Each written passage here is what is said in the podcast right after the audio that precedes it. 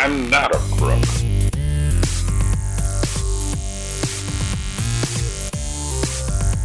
But because they are hard. Welcome to Presidential Deathmatch, the only presidential debates that matter. On today's program, Aaron and Dennis could not make a time to record, and so they each recorded a solo episode for this, our first doubles episode. See two American independents fail terribly to attain the presidency. It's George Wallace versus John B. Anderson in today's Presidential Deathmatch.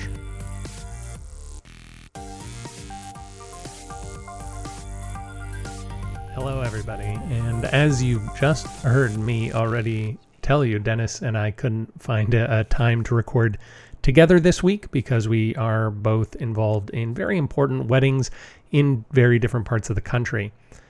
Because of this, we decided to take the two biggest candidates of what we had planned to do and we're you're going to hear about them right now. I'm going to talk about George Wallace, and Dennis is going to talk about a man who challenged Ronald Reagan in 1980 named John B. Anderson.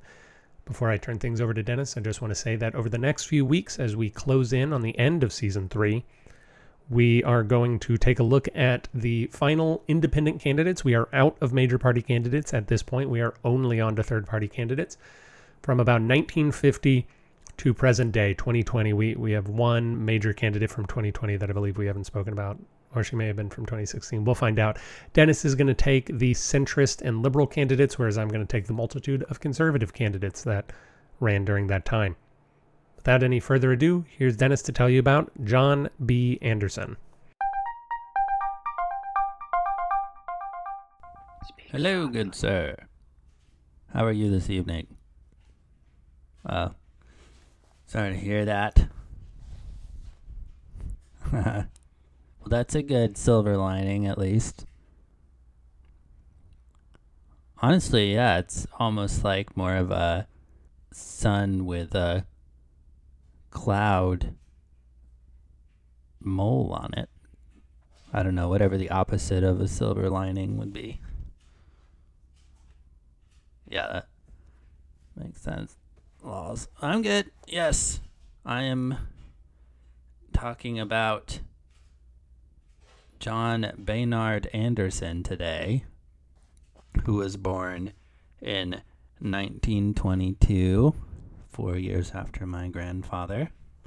Or, sorry, John Bayard Anderson, which is important to get right because if you type in John Baynard, it pulls up John Boehner speak, former Speaker of the House, whose name looks like John Boner, which is, I guess, why when you Google Boehner, they're like, that's probably what you meant because he's not saying it how it looks. But John Bayard Anderson, um, he was alive till 2017, so that's pretty good. Um, was a Republican politician who ran against Reagan when Reagan first ran in 1980 and became president. Um, and so that was against the that was against Jimmy Carter,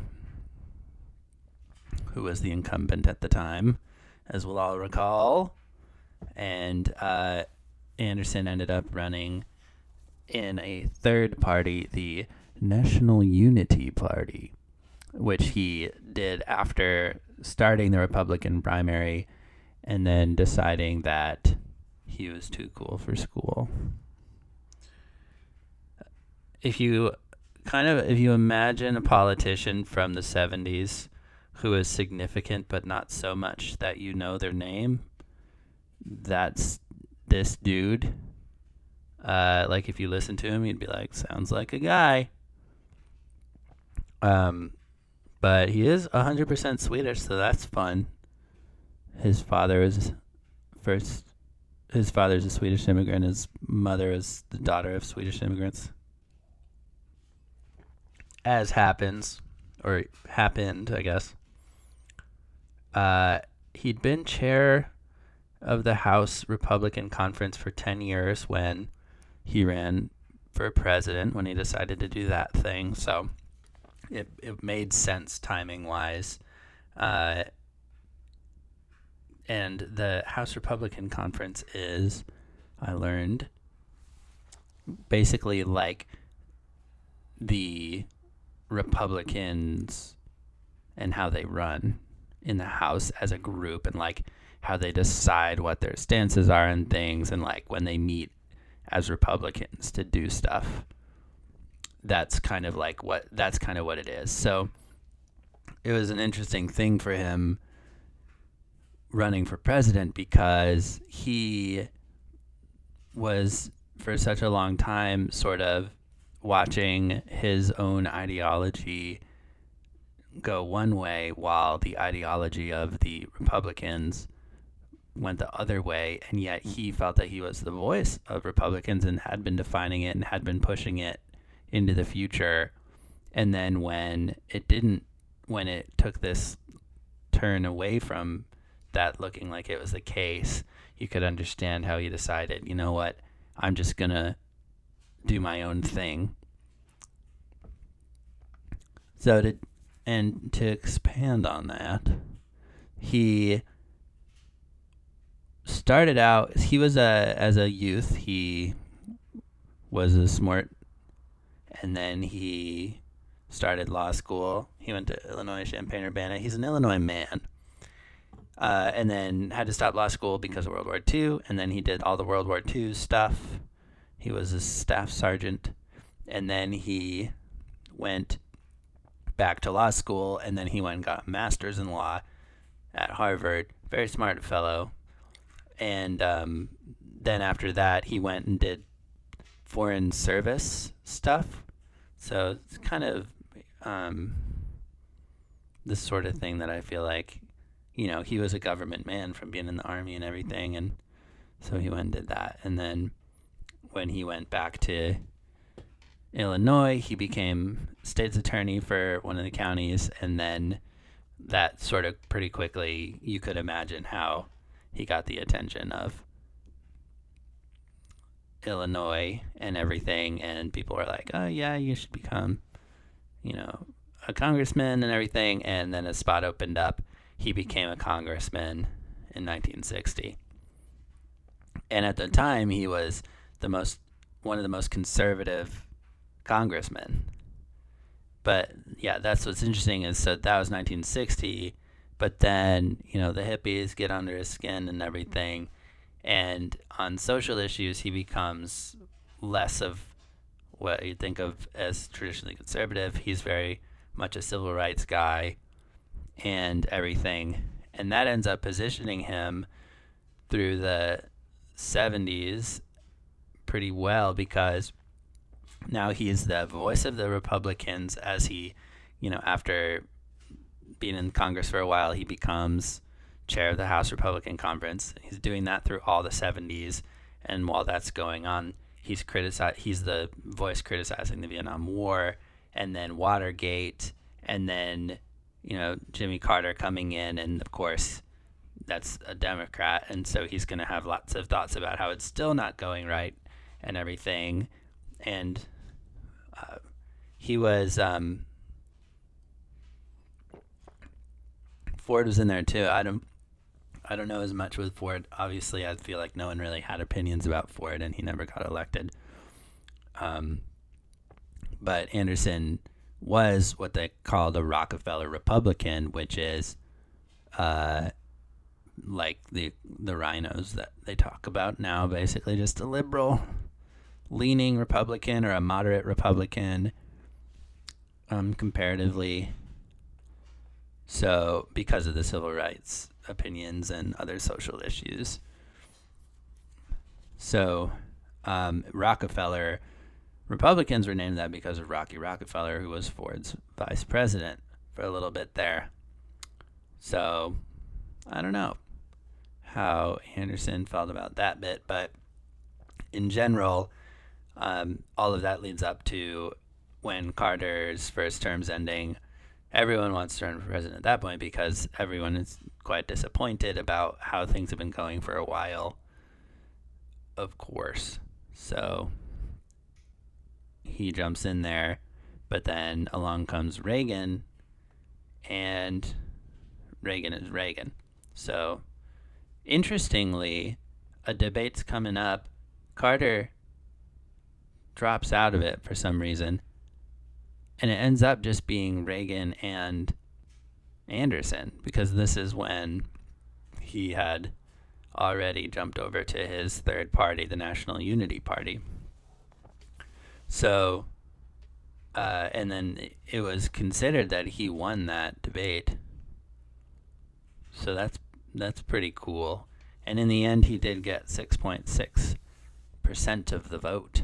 So not bad, not terribly bad.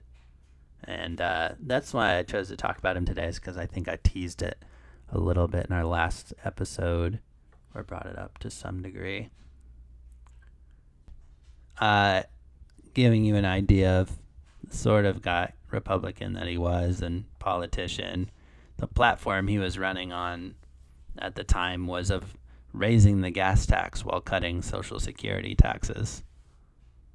It's that kind of old, pretty much at this point, unfamiliar pragmatism in a candidate. Um, uh, but at the time, you know, you could understand how it was appealing to folks, and and would today. It um, in a certain sort of way that's just less, maybe broadly appealing or attention getting. So, let us speak about his National Unity Party, which basically kicked off when the Republicans failed to endorse the Equal Rights Amendment. And that sort of like led to him realizing that maybe he would actually get more mileage out of being an independent to allow people that didn't identify as Republican to feel more open to voting for him because he was really kind of in this third category that you can still see today. I, I feel like kind of um, was reading talked about it as the Whig tradition in American politics. That there's always kind of this place in the middle, which I think the one that's most familiar to me at least is the one that looks like this, which is that socially liberal and yet still, you know, I mean that's I feel like a lot of times what libertarians are thinking about. Um, not right now, but in the past.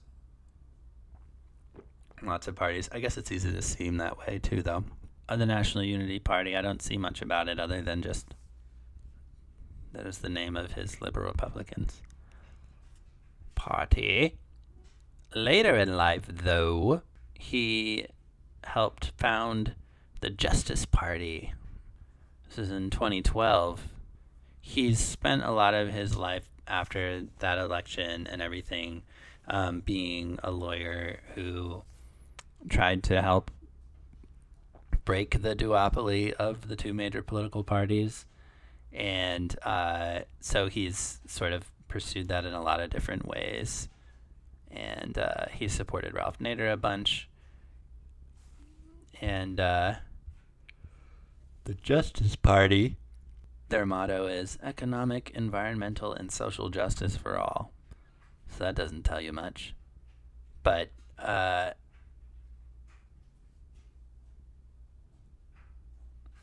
yeah, money in politics is one of their big things. And they've endorsed Bernie Sanders, and I mean he's endorsed Nader, and uh, then Rocky Anderson, which is funny because I've been talking about John Anderson and Rocky Rockefeller. And he is of no connection to either, other than this, I guess. That I can see. Okay. Well, that's what I got for you. Yes. Yes, I fly out tomorrow night. It will be fun as of this recording, so by the time people have listened, I will have flown. But thank you. I will do my best. And you too. Um, have a good one. Always good catching up. And until next time, uh, keep it real. Thank you, Dennis, for that fascinating information. And now I am here to tell you about the last presidential candidate to win electoral votes, George Wallace. Now I know what you're thinking. I, actually, I need to get out of my announcer voice really quick. I, now I do know what you're thinking. Now, how can I possibly fit the life of George George Wallace in how little time we have in this episode? George Wallace. We all know him, an original writer on the Redd Foxx Show, touring comedian for decades, a man who has stood where Piff the Magic Dragon now peddles his magic nightly for prices that no average Texas podcaster can afford. No matter how much you want to see him, how Aaron Garrett, can you do George Wallace justice? Well, luckily, we're not talking about the comedian George Wallace. We are only talking about the little known politician who is best known for this clip. And I say segregation now, segregation tomorrow, and segregation forever. It's not a great way to start out, but uh, but and, and while I'm not hoping to change your mind on the man. Uh, he is the third longest serving governor in American history, and he was shadow governor too, Pa Ferguson style. We'll learn about that, but there's about 18 months of his uh, what could be presumed to be his governorship that is not counted in official records. So let's dive into the history of one of America's most checkered men. George Wallace was born in 1919 and he died in 1998, but did he ever truly live? That is a question we will try to answer today. He ran for the Democratic nominee for president three times, losing each time, obviously, and he mounted one third party bid in 1968 for the American Independent Party.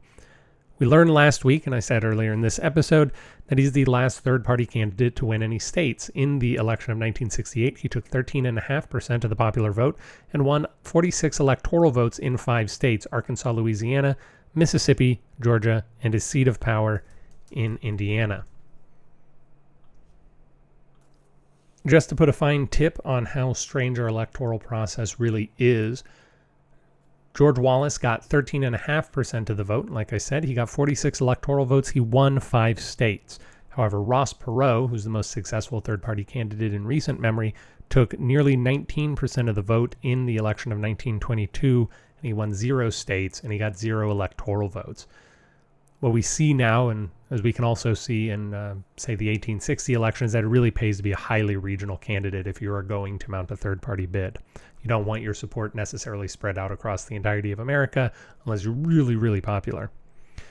Now, that run that George Wallace did in 1968 is in the middle of an impressive tenure as Alabama governor, in which he served a total of four terms in three different non consecutive stints from 1963 to 1967, 71 to 79, and 83 to 87. What happened in between those times? Well, let's find out. The son of a farmer, Wallace worked in the Alabama Senate from the age of 10. A regionally successful boxer as a teenager, he got a bachelor's in law, which I guess is a thing you could do back then, and met several men with whom he would later clash as governor. At this point in his early life, around the time he's 20 or so, there's no actual evidence that he ever left the state of Alabama which is surprising to me. But hey, I, I don't know. During the bigger, better sequel to World War I, he was accepted as a pilot in the Air Force, but he contracted spinal meningitis, which would cause him to switch to flight engineer. He was stationed in the Mariana Islands, which I think we can all agree is a very different place from Alabama.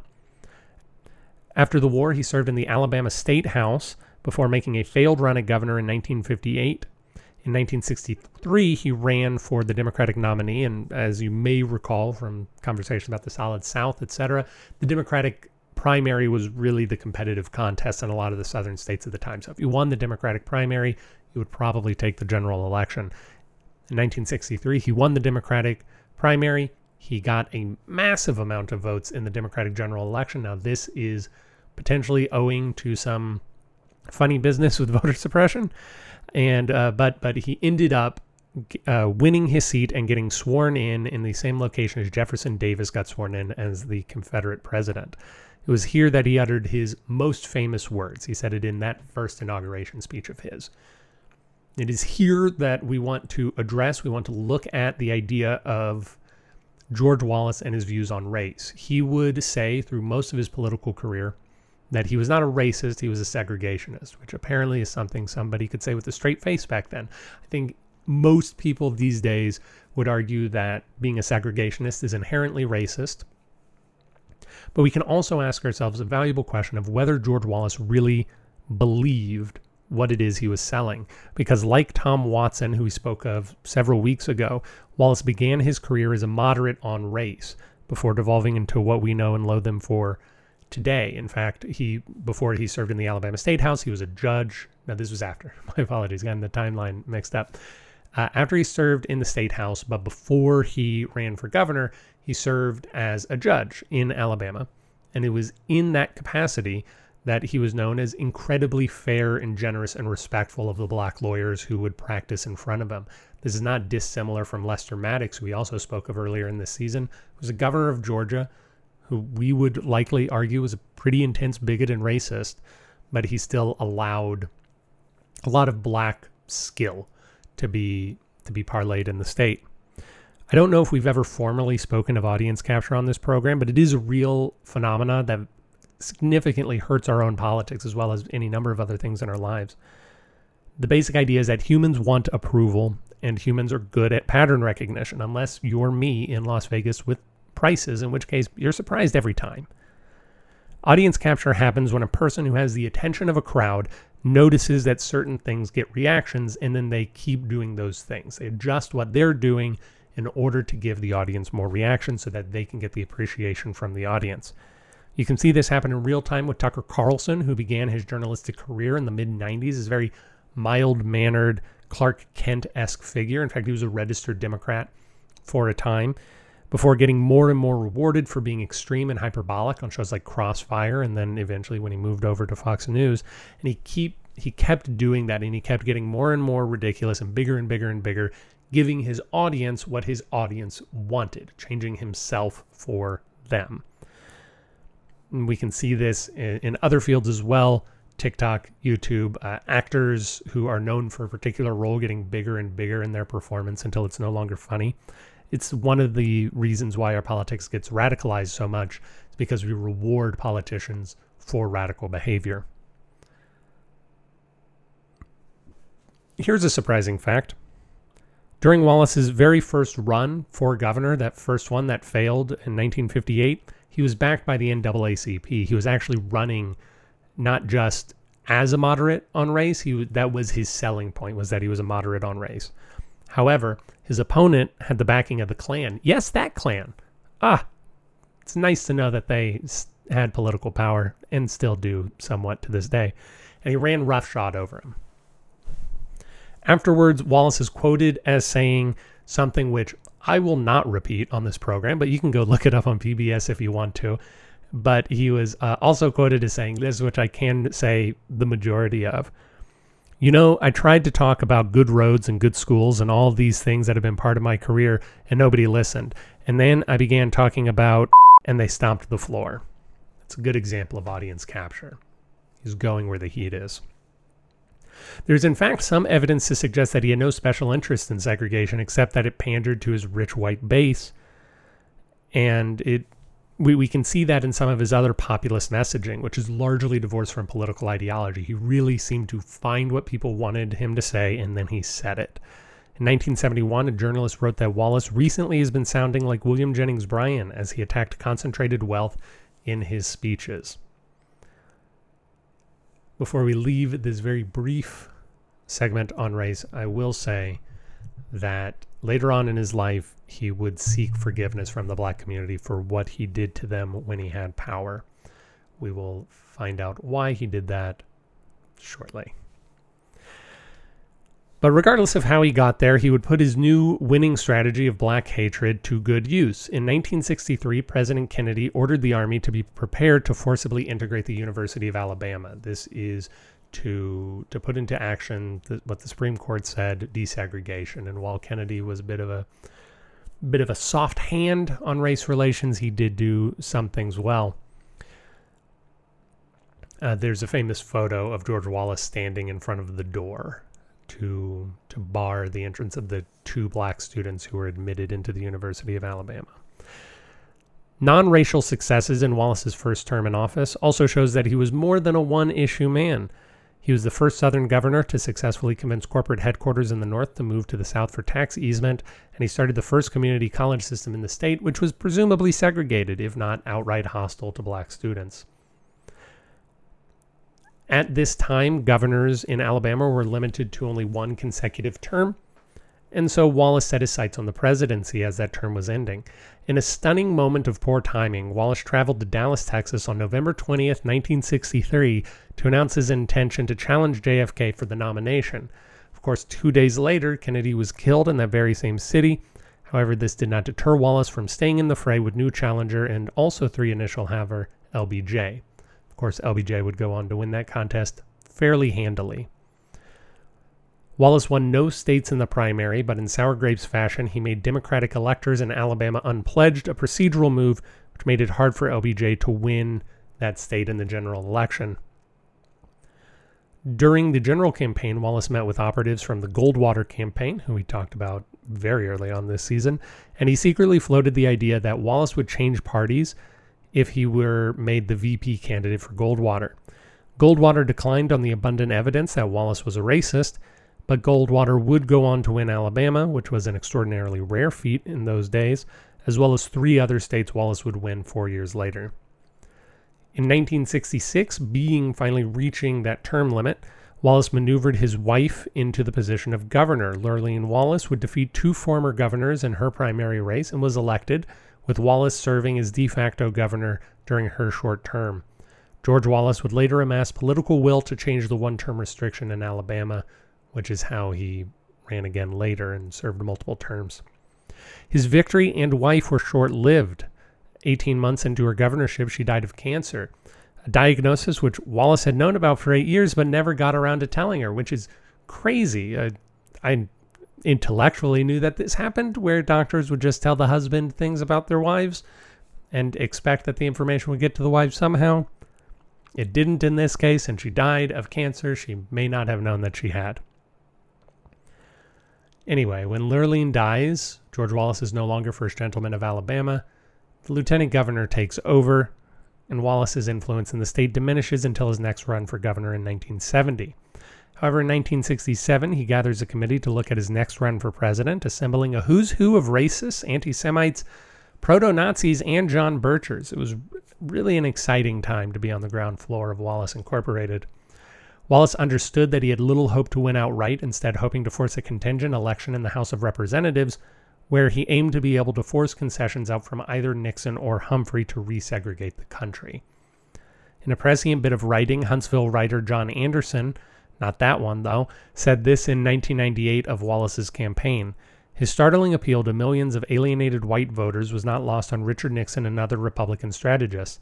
First Nixon, then Ronald Reagan, and finally George Herbert Walker Bush successfully adopted toned down version of Wallace's anti-busing, anti-federal government platform to pry low and middle income whites from the Democratic New Deal coalition. Ugh.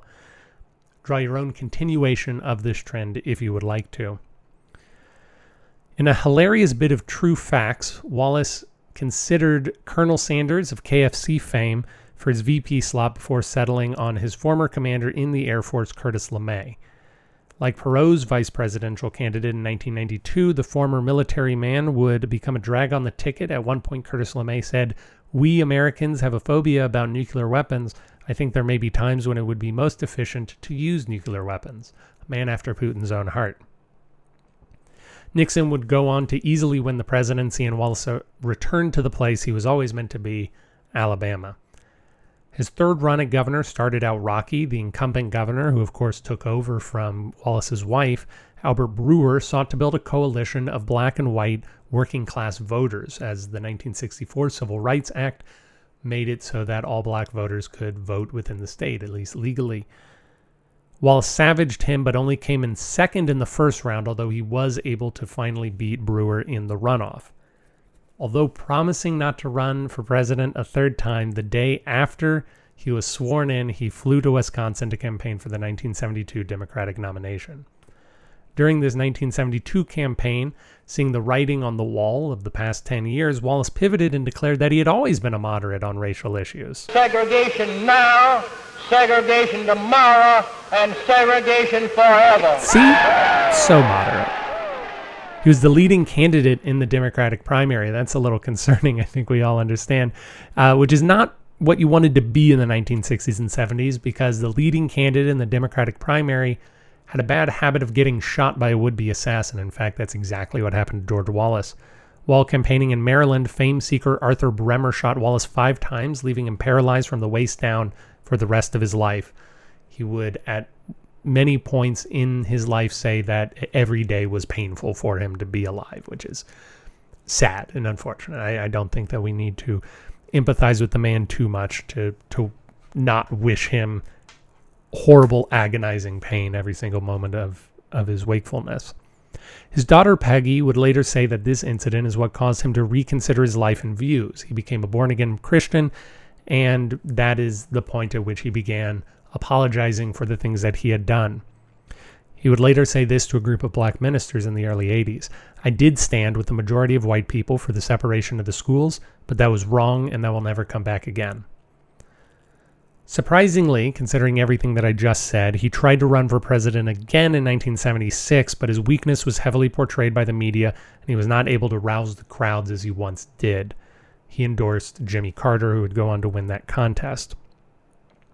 In 1978, George Wallace's third term as governor ends and he is not permitted to run. He's term limited. However, he decides to come back for a final run for governor in 1982. This would end up being his most difficult race if you don't count the time that he lost in the late 50s. He was ultimately elected to a fourth and final term on very close margins, and during this time he appointed more black Americans than any other Southern governor, including two simultaneous black men on his cabinet. Wallace would live the last 12 years of his life as a private citizen and fixture of the Montgomery community. He died of bacterial infection in 1998, and much like Nixon, in death, many of his sins could be set aside, and there was an outpouring of grief and appreciation for the things he had done and the forgiveness he sought at the end, with little time spent on the lives he made harder while he wielded power.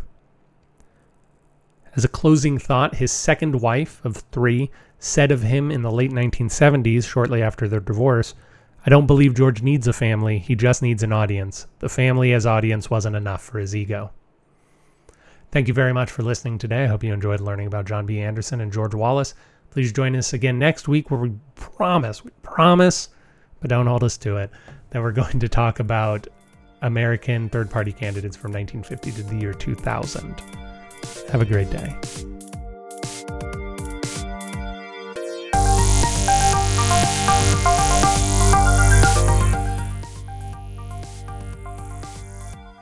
Thank you for listening to Presidential Deathmatch. Presidential Deathmatch is hosted by Aaron Garrett and Dennis Buddy and edited by Aaron Garrett.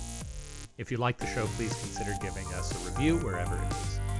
You can do that, we'd really appreciate it. If you didn't like listening to the show, well, why don't you come on back and give us another try? We really grow on you. If you want to reach out to us, you can do that at contact at pronoiatheater.com. You can also support the show in a variety of ways, including at pronoiatheater.com slash store. We hope you enjoyed it, and we hope to hear from you soon.